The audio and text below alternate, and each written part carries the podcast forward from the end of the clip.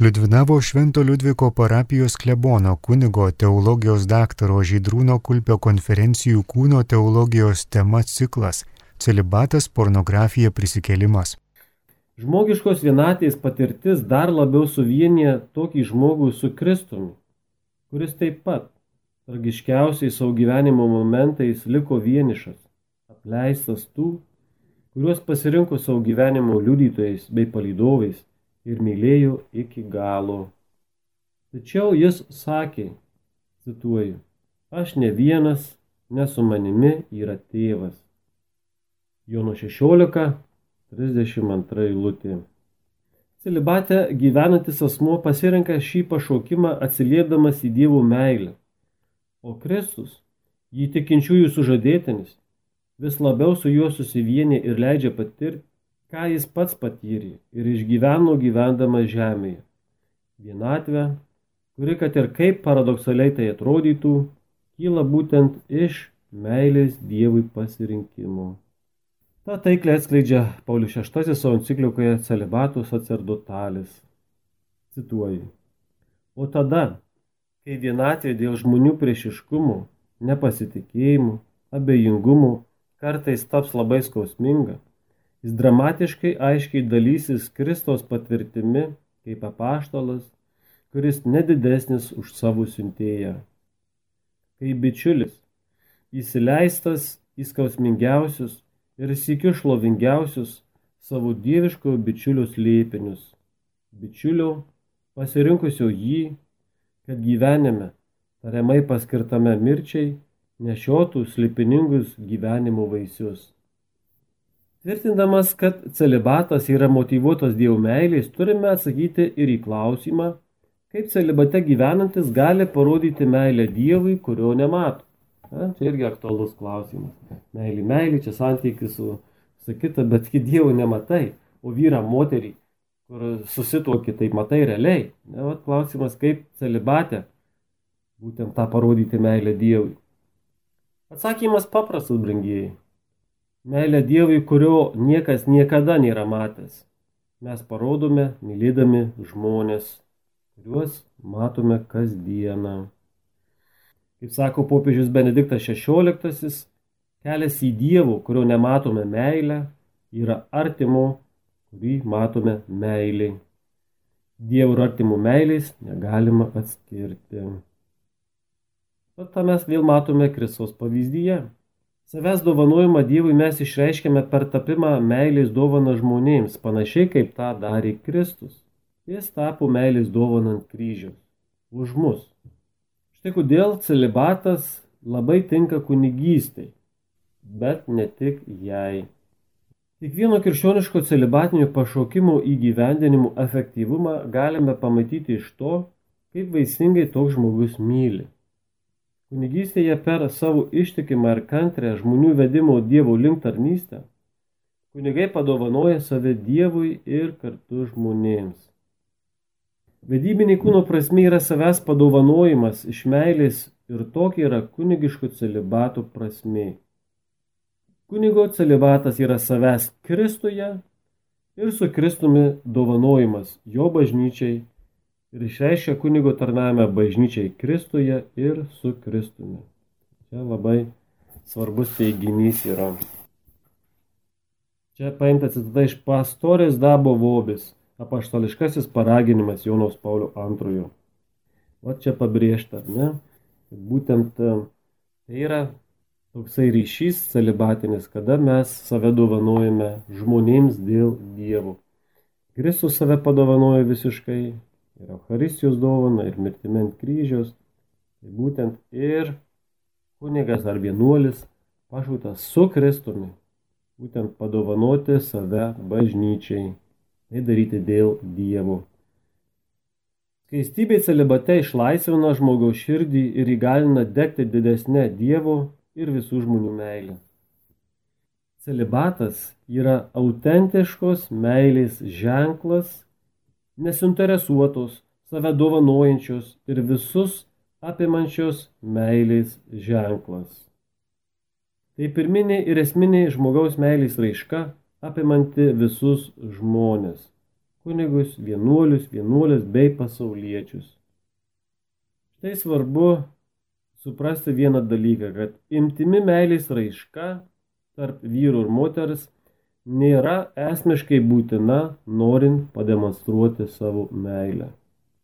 Tai svarbu. Lytinis aktas nėra būtinas parodyti meilę vienas kitam.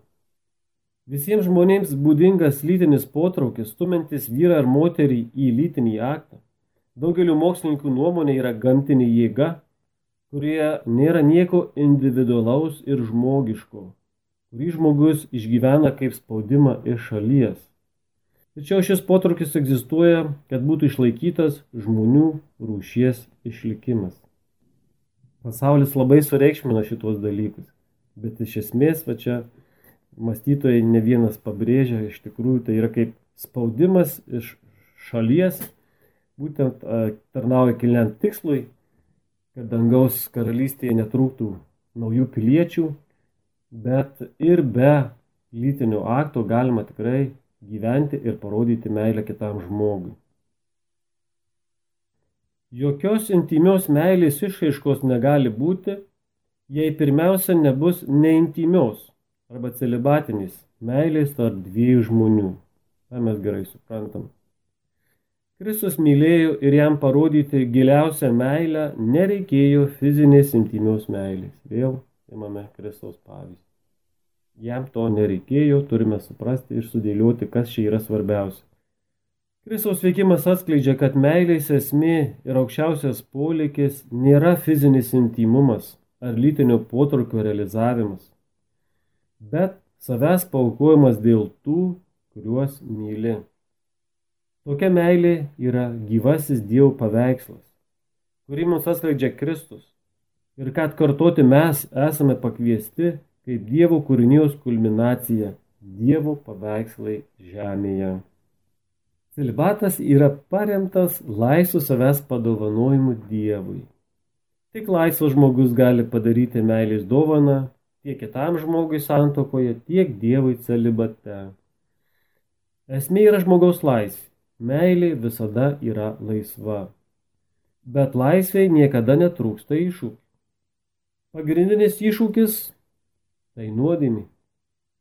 Kylanti iš mūsų silpnos kūniškos prigimties, pasireiškinti netvarkingais geidimais, kurį krypsta į kito žmogaus išnaudojimą. Vėl ir vėl ta pati problema geismai iš nuodėmės. Mes turime nuolat kovoti su šiuo egoistiniu polinkiu išnaudoti kitą, kad galėtume pasiekti Kristos parodytos meilės pavyzdžių ir ją parodyti kitiems. Todėl saugant meilės laisvę celibate, visada reiks kovoti su savo į nuodėmę linkusią prigimtimi. Savęs kontrolė ir skaistumas yra esmiškai būtini, norint išpildyti celibatinį pašaukimą. Kaip sako Jonas Paulius, apsispręsdamas už celibatą, kad jis būtų efektyvus, žmogus privalo palengti savo prigimtį ir jos polinkį į nuodėmę mūsų atpirkimo paslapčiai ir iš šios paslapties trykštančioms jėgoms. Taigi pabrėžia iš tikrųjų, kad e, yra sunki kova, didelis iššūkis, ne kaip kiekvienam žmogui, kovoti su geiduliais, kurios kyla iš nuodėmingos situacijos žmogaus patirties. Vat.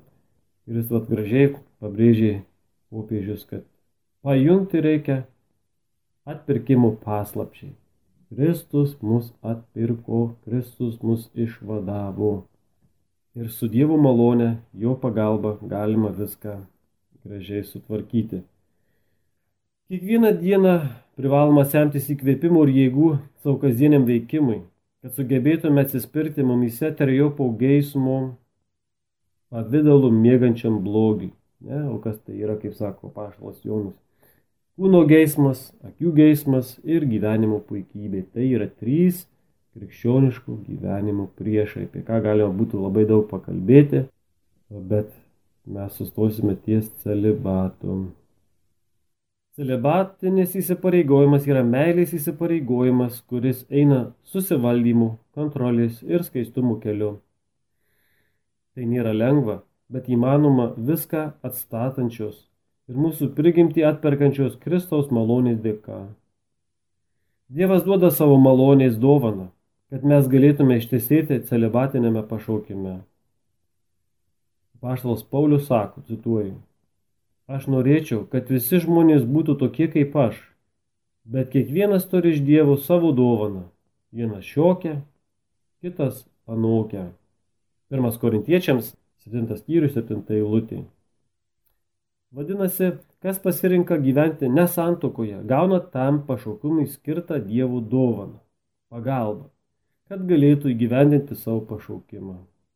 Dievo malonė yra ypač svarbi norint gyventi pašaukimu, kuris ir gimsta ne dėl ko nors kito, bet dėl dangaus karalystės, dėl Dievo.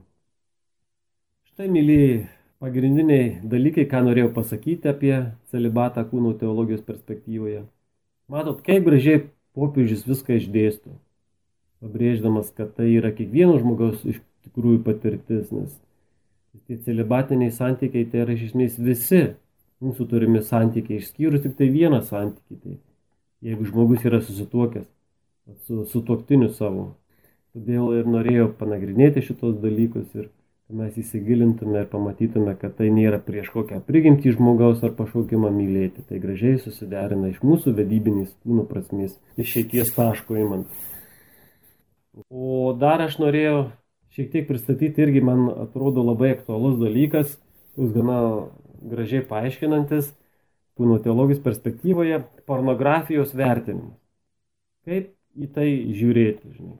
Kur yra čia ta problema su pornografija ir Jonas Paulius gražiai tą išdėsto. Popiežius paminė, va, kad e, pornografijos klausimas yra susijęs su Kristaus paminėtais dalykais, ar ne? Geidulingas žvelgimas bei svetimavimu širdyje. Atsimenate, ne Evangelijos tekstai, kada Kristus kalba tenai apie tuos santokas, apie skirybas ir Jėzus paminė tuos dalykus, kad šis reikia ir žvelgimą kontroliuoti, nes tai gaunasi, kad jeigu ir nedarai svetimavimo nuodėmės, tai yra svetimavimas jau širdyje. Štai popiežius sako, kad žmogaus kūno su jo nuogumu tiesa, žmogaus kūno tiesa, nuogo kūno tiesa, jis skirtas būti dovana, asmens asmenį, abipusiai duodama ir priimama. Kaip tai nusako vedinį kūno prasme. Ne? kaip kūnas tai yra paskirimas būti dovanu tarp dviejų asmenų. Tas artistinis mene nuogo kūno vaizdavimas peržengia prigimtinę kūno specifiką - paskirtį būti tarp asmeninę dovaną. Nuogumo vaizdavime kūnas praranda dovanos prasme. Kūno privatumo užlaikymas užtikrina dovanos ir abipusio dovanojimuose galimybę. Vat gėdos jausmas, kurį žmogus išgyvena, yra kvietimas gerbti asmens kilnumą. Yra asmuo kilnus ir gėdos tikslas ir yra apsaugoti šitą asmens kilnumą. Na, o gėdos peržengimas, jos nepaisymas greuna asmeninį jautrumą ir žmogaus kilnumų jausmą. Netgi paminė, kad, sako, tose koncentracijos stovyklose žmonės būdavo specialiai nurengiami nuogai laikomi, kad pažeminti žmonės, suniekinti tą žmogaus kilnumą. Pornografija yra asmens kilnumo paniekinimas, nes žmogus yra kilni ir nuostabi dovana kitam, konkrečiam asmeniui, o ne anonimiškai daugeliui turėti. Vienos mens dovana kitam asmeniui, o ne tiražuoti anonimiškai kitiems. Yra amoralu, kai audio ar video būdu ši teisė į privatumą peržengiama. Taigi menas privalo išlaikyti tiesą apie žmogų. Tiesa apie žmogų. Būtent jo unikalumas, pašaukimas privačiam dovanojimuisi tarp asmeniniam santykiui.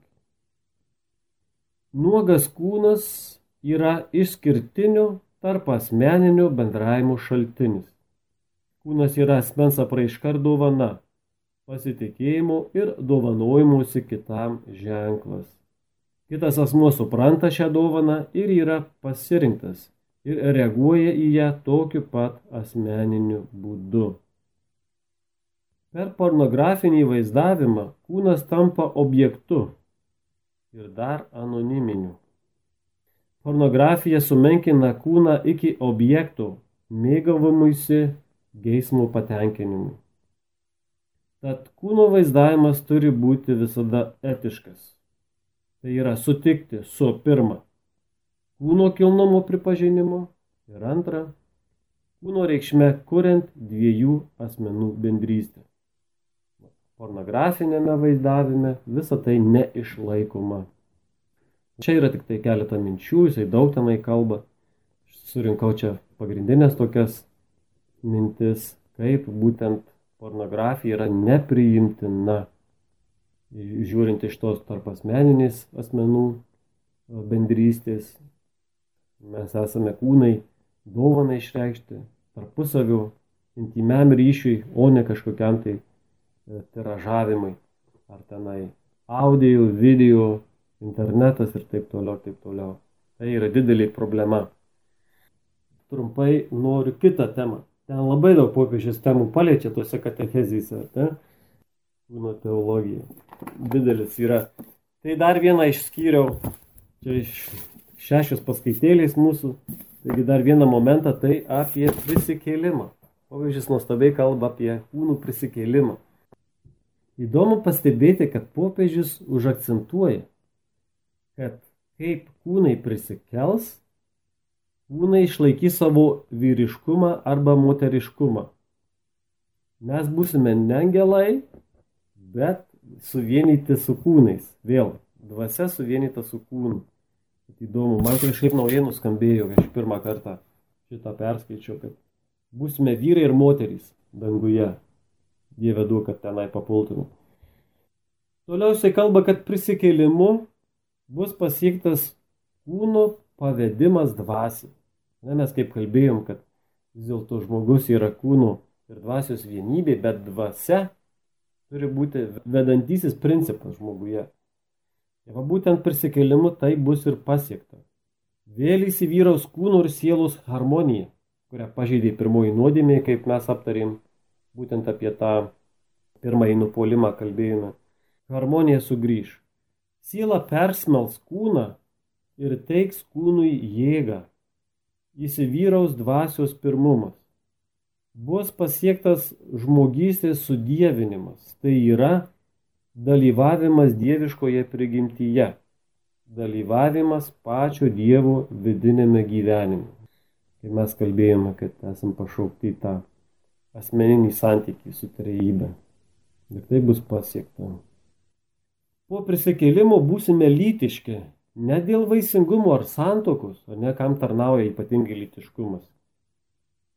Bet santoka ir vaisingumas yra praeinančio pasaulio realijos. Ne dėl to būsime lytiški, bet dėl asmenų bendrystės. Taigi išlaikysime savo vedybinę kūno prasme, kurią būtent popiežius taip akcentuoja visose srityse. Taigi ta vedybinė kūno prasme per asmens dovaną mes sudarysime šventųjų bendrystę. Vyrų moters bendrystė jau čia šventųjų bendrystė. Jėzaus žodžiai apie prisikėlimą ir santokos pabaigą, kaip jisai sakė, neįves, neįtekės prisikėlusi jį, atveria tiesą, kad buvimo kūniškų prasme yra ne tik santoka ir prokreacija, bet ir vedybinė, ta jungtuvinė prasme pašaukimas gyventi asmenų bendrystėje, nes po prisikėlimo jau nebus jokių santokų. Ir jis gražiai sako, kad Kristos prisikėlimas yra paskutinis ir pilniausias save preiškinčio Dievo žodis, kad Dievas yra ne mirusiųjų, bet gyvųjų Dievas. Vat gražiai pasakė, kaip Jėzus sako, tenai pokalbėje Evangeliją atsimenam ar ne, vat, iš Seno testamento pagrysdamas prisikėlimo tą pamatą. Dievas yra nemirusių, o gyvųjų Dievas. Tai va būtent ir yra prisikėlimo pamatas. Toliau jis kalba, kad mes esame Adomo paveikslas, ne, kaip žmonės. Turime panašumą į Adomą, bet taip pat esame pašaukti tapti ir Kristaus, prisikėlusio Kristaus paveikslu. kalbėjom labai daug paskirim laiko, kad esame Dievo paveikslas. Tai žvelgdami į Kristų, esame pašaukti nesustoti ties Adomo paveikslu, ne, bet būtent žiūrėti į naująjį Adomą, Kristų prisikėlusi. Ir tai vyksta per atpirkimą. Mes galime tą pasiekti. Taigi kūnas bus sudvasintas, įsigalės dvasios viršenybė kūnui. Dvasiškumas bus aukščiau jūslingumų. Kūnas bus pajungtas tiesai ir laisvai. Ir jisai pabrėžia, kad iš šio sudvasinimo kūnui ateis jo jėga ir negendamumas. Būtent iš to pajungimo dvasiai. Tai štai irgi keletą šitų minčių, ką norėjau, kad jūs išgirstumėt, va būtent apie prisikelimą. Vėl matot gražiai, kaip jisai kalba į tą harmoniją naują, vėl har... dvasios viršenybė, kas bus mūsų negendamumo pagrindas. Santokos sakramentą žmonės teikia vienas kitam. Kaip tada žiūrėti į civilinę santoką? Geriau nežiūrėti į civilinę santoką, bet iš karto pas kunigą ir tartis dėl santokos sakramento. Pagal irgi kanonų teisę, kad tarp dviejų krikščionių santoka galima tik tai kaip santokos sakramentas. Civiliniai nu, ne, neprimtina, žodžiu, tai kas gyvena civiliniai tik tai santokoje, nėra tos pilnatvės, to pašaukimo meilės, vat, ką mes esame pilnatvėje meilės pašaukti. Tai vat, ir, ir nu, pagal tą moralinę irgi tai yra sunki nuodėmė ir kas gyvena tik civiliškai negali net eiti ir komunijos, va, nes turi prieš primdami komuniją turėjo į savo komuniją pasikviesti Dievą. O tai vyksta per santokos sakramentą, jie prisiekia vienas kitam ir Dievui. Toliau, kas dar be sakramentų prieimimų jūsų manimų dar laisvina žmogų gerąją prasme, kad galėtume gebėti mylėti. Taip, sakramentai tai yra Dievo malonė, žinokit, Dievo veikimas. Augimas meilėje tai yra, yra dievų darbas, bet mes galime irgi prisidėti, mes turime daug padaryti dėl to. Štai ir gavėnios praktika, žiūrėkit, pasnikas, pasnikas didelis dalykas. Išmalda, nuostabus dalykas, tie geri darbai. Malda, malda taigi yra mūsų jungti su Dievu. Mes būnam su Dievu. Ir, ir va, tie tokie dalykai mus, mus augina, šventasis raštas, intencijos grinumas, ką nors padaryti dėl meilės. Kai mes darom nuo nuoširdžiai, ką nors dėl meilės, tai mums antrą kartą tą meilės veiksmą yra padaryti daug lengviau. Formuojasi daugybė. Geri darbai, malda, sakramentai yra viršūnė viso to.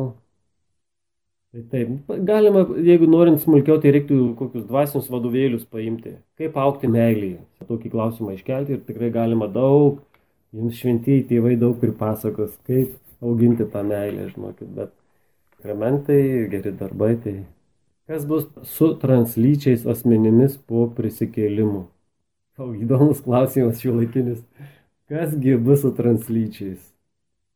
Nu, neturiu tiesos monopolio, bet uh, galiu tik tai pamastyti, kad uh, vis dėlto mes žinom, kas tai yra ar ne translyčiai, tai jie yra iš esmės arba vyras, arba moteris, tik, uh, žinai, išniekinę tą Dievo duotybę. Ne, jie pasirinko save suluošinti, va, ne taip, kaip Dievas davė, bet kaip jiems atrodo. Ne, jie iš esmės, iš esmės yra ta pirminiai biologija rodanti lytis. Nes tu te gali operacijas darytis kiek nori, bet tavo genai parodys X, Y ir taip toliau, tu ten daryk, ką nori. Genai rodo, kad tu nepakeisi savo genų, kaip sakant, tos medžiagos. Ir tu esi arba vyras, arba moteris. O čia yra, nu, jeigu jaučiasi žmogus kitu, negu gimė, labai gaila. Čia dabar dedama daug pastangų ištvirkinti žmonės, taip mąstyti. Reikia kalbėti, kad iškrypimas ir tai reikia gydyti. Yra psichinis sutrikimas, reikia gydyti, padėti žmonėms. Psichiškai šitos dalykus išsigydyti, o neskalpelių ruošinti vienas kitą.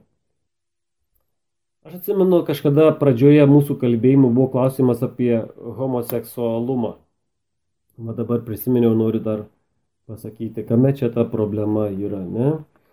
Kai visi čia garsiai šaukia, žinai, jeigu jau myli nuoširdžiai vienas kitą, tai kodėl draudžiam ar taip toliau, kodėl čia bažnyčia taip kategoriška ir taip toliau. Nu tai vad paimkime iš kūno teologijos perspektyvos visą tai, ką mes kalbėjome, brangieji. Žmogus yra pašauktas būtent asmenų bendrystėj per savęs dovanojimą užmesgama ta iš meilės per savęs dovanojimą užmesgama ta asmenų bendrystė. Ne? O ta meilė turi būti vaisinga. Nes Dievo meilė yra vaisinga, mes kaip Dievo paveikslas esame pašaukti savo intime kūno kalba, perduoti taip pat tą naujos gyvybės potencialą. Tai va tas, va, jeigu kalbėsime apie e, lytinius santykius, jie turi būti asmenį vienijantis dalykas ir gyvybę perdodantis, bent jau potencialiai. Dabar paimkime homoseksualus. Vyrus arba moteris du. Jeigu jie čia bando vaidinti šeimą, santykį šeimininį, tai dabar žiūrėkime, kaip yra. Ar išlaikomos šitos kategorijos. Vienybė. Lytinė vienybė tarp jų negalima. Dievas sukūrė vyrą ir moterį, kad jie per lytinius takus pasiektų vienybę. Homoseksualai to negali iš prigimties padaryti. Jų vienybė kūniška neįmanoma. Suprantat, ką turiu menį? Nėra vienybės. Neįmanoma. Toliau, jeigu čia dar bandytų ir toliau vaidinti tą vienybę, tai mes matome, kad ta pseudo vienybė yra nevaisinga, sterili, netitinkanti dievų planų. Mes esame pašaukti tai veisingai meiliai, tai yra duotybė mumise. Ir tai yra gražiai išsipildo vyru ir moters ryšyje toje vienybėje, kūniškoje santokoje. Susivienė du asmenys skirtingų lyčių, tam jie yra paskirti vienas kitam ir iš to gimsta nauja gyvybė. Homoseksualinius ryšius to nei vieno principo negalima išpildyti. Nei vienybės, nei vaisingumo. Tai yra sutrikimas. 1974 metų tai buvo įvardinta kaip lyga. Toliau jinai buvo išmesta iš pasaulinės ten sveikatos organizacijos lygų žinai, įvardinimo. Buvo tiesiog iš, išbraukta dėl, dėl protestų visokių ir taip toliau ten homoseksualų. Ir, ir žodžiu, buvo išmesta iš lygų sąrašo. Nereikėjo nei vaistų, nei gydymų, nieko. Užtenka tik gerai pareikauti su plakatais. Ir išnyks problema. Kaip būtų gerai, kad to tokiais būdais visos lygos spręstųsi. Tai va, toksai dalykas dėl homoseksualų veiksmų vertinimo. Kokia nuomonė yra apie bažnyčios teismo nuliuotas santokas, kuriuose yra ir vaikų, ar tai nėra tam tikro meilės Dievui pažeidimų? Vaikai yra vaikai. Žinot, jeigu iš tos santokos gimė vaikai, viskas yra tvarkoj. Jie yra nuostabus meilės vaisiai. Tik tai anulacija ką sako? Anulacija sako, kad e, tarp šito vyro ir moters pritrūko labai esminių dalykų ir tarp jų neužsimesgi būtent šventas santokinis ryšys. Tas ryšys buvo, iš jo gimė vaikai ir taip toliau, bet neišlaikytos teisinės normos ir santoka yra negaliojanti. Čia niekas nei prieš vaikus eina, prieš nieką neina, tik tiesiog tai yra legalus procesas, kad pasakymą, kad pritrūko. Trūko kažkokio tai vidinio nusistatymo ar, ar kitų dalykų, ką, ką nusako bažnytiniai teisė. Vat, ir viskas čia tvarkoja, vaikai yra gerai, viskas nuostabu yra, mylimi ir taip toliau, taip toliau visada bus tėvai, ir taip toliau. Čia niekas nieko neniekina, tiesiog tai legaliai pasakoma, kad būtent to ir to pritrūko ir teisiškai imant nėra galiojančių santokos. Ką pasakytumėte apie antikos ir renesanso skulptūras, kai kūno grožio kultas buvo labai stiprus, ar galime tomis skulptūromis grožėtis būdami krikščionimis? Skulptūros. Nu, gražios skultūros tikrai reikia pripažinti, tikrai žmonės daug gražiai padirbėję. Jeigu tai yra iš tikrųjų tos skultūros gražiai, va tą Dievo Dievo darbą šlovinančios, ar ne? Žmogus yra nuostabiai šiaip sukurtas. Yra nuostabus Dievo kūrinys ir dovana. Jeigu tai iš pagarbos Dievui tą grožį, tai tikrai žmogus yra gražus, ne, vat, pavaizduotas. Tai gal ir čia nieko nusikalstamų ir nėra. Dar vieną dalyką prisiminiau, ką norėjau pabrėžti. Iš visokių kalbėjimų ir, ir kunigiškos patirties manęs klausė, žinai, Sako, jeigu žmonės du nesusituokia, kaip galima bendrauti gražiai, draugiškai ir artimai, nenueinant per toli, kada jau bus tas per toli, kur čia yra ta tvarka, žinai. Tai kiek toli yra jau per toli, žinai, vat klausimas.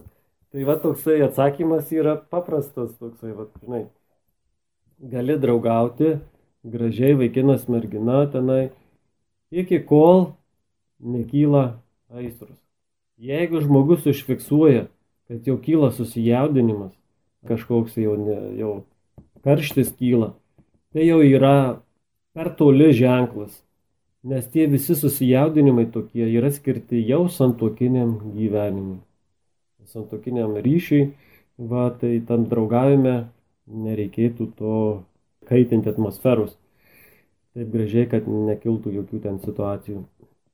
Žinokit, jūs esate tikriausiai girdėję, kad yra kai kurie žmonės, vad susituokia vaikinas su mergina, kurie iki pat santokos nebūna net pasibučiavę nei kartą. Esat girdėję tokių dalykų? Tikrai skamba kaip iš kito pasaulio. Bet žinokit, aš ne tik esu girdėjęs, bet man davė Dievas tokią malonę sutuokti tokią porą. Pats Marijampoliai sutokiau vieną porą, kur net buvo nepasibučiavę per visą draugystę. Ir būtent per santoką jau čia, jau jie man atsivėrė, tai aš jau paskui per santokos apėgas garsiai, nu, pagarsinau ir sakau, niekada dar nesibučiavę, taip gražiai skaičiai draugavo, tai sakau, dabar jau galit po priesaikos, tai jie viešai ir pasibučiavo gražiai ir visa bažnyčia paplojo jiems. Buvo didelė santoka, vestuvė, daug žmonių dalyvių, tai vat ir Nu, bet čia jau rimti krikščionys, jau labai stiprus krikščionys buvo samoningi.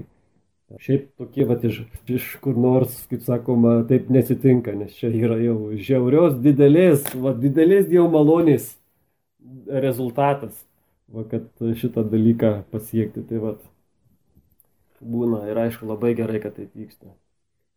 Koks galėtų būti asmens pašaukimas turint homoseksualų potraukį? Ar tokie asmenys kunigais gali būti pašaukti kunigystėj celibate. Šiaip e, Jonas Paulius II, man atrodo, jau Jonas Paulius II aiškiai, konkrečiai pasakė, kas turi šitą potraukį, negali būti prileistas prie kunigystės šventimų. Negali. Pašaukimas, kaip ir kiekvieno žmogaus, yra mylėti. O kadangi tai yra e, toks e, sutrikimas, jį pirmiausia reikia gydyti.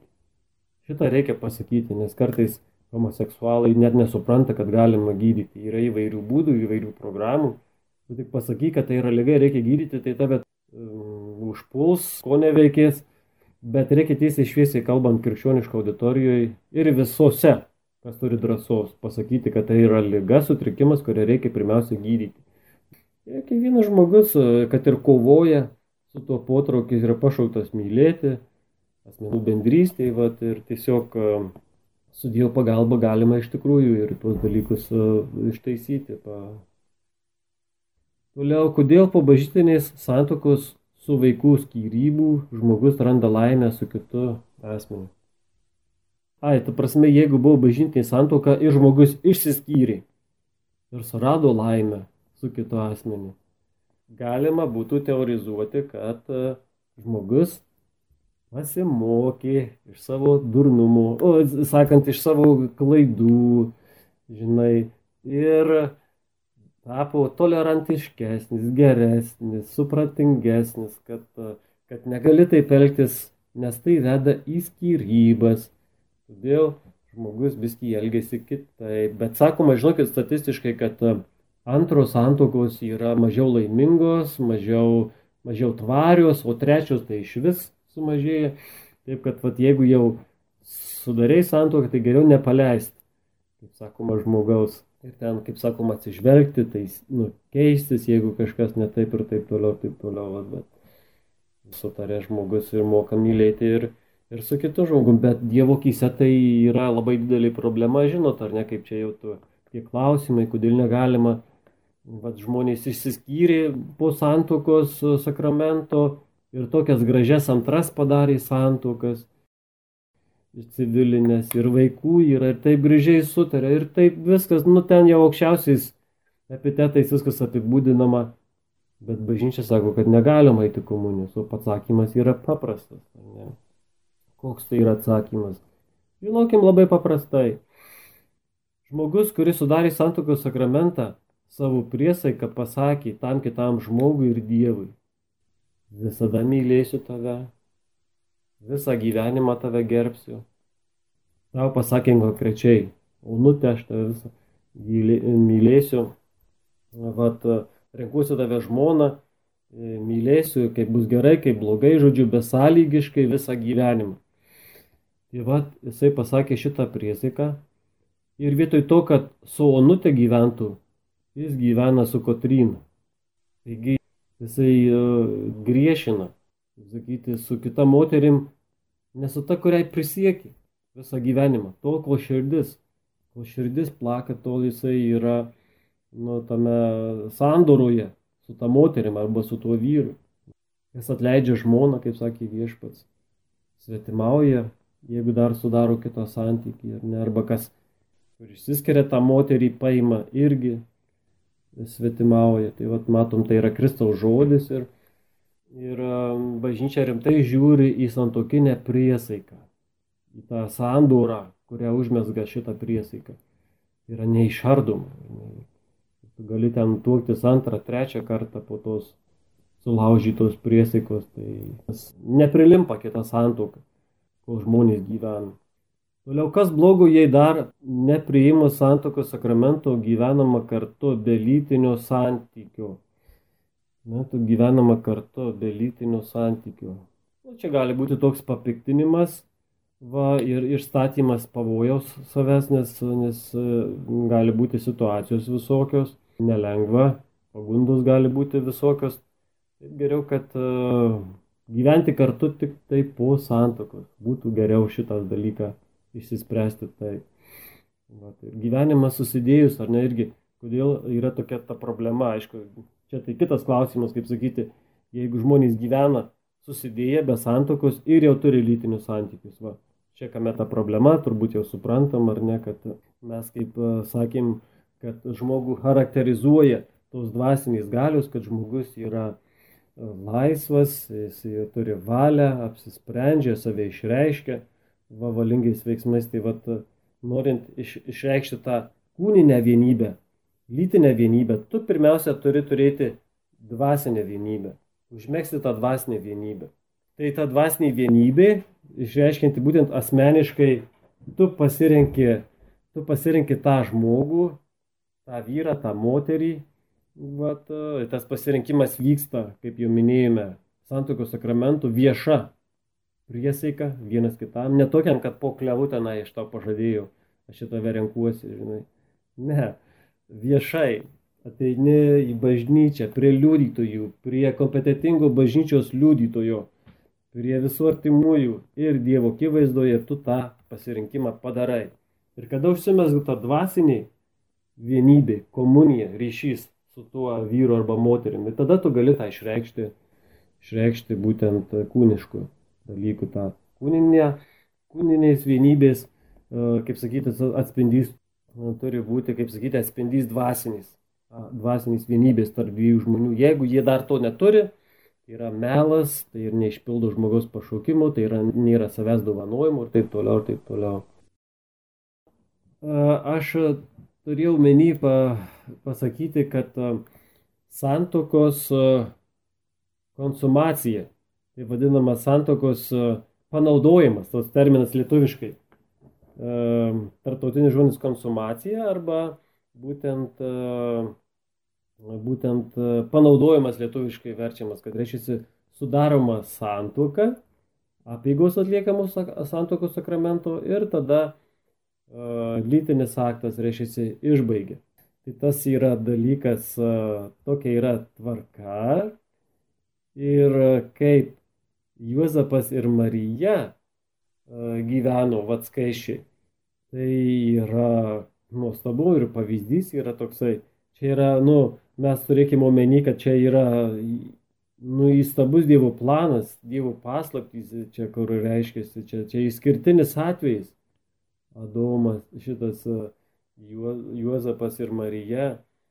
Vat kaip ir šiandien toj celibatiniai temui kalbėjome, taigi jų didžioji kryptis tai yra Dievas.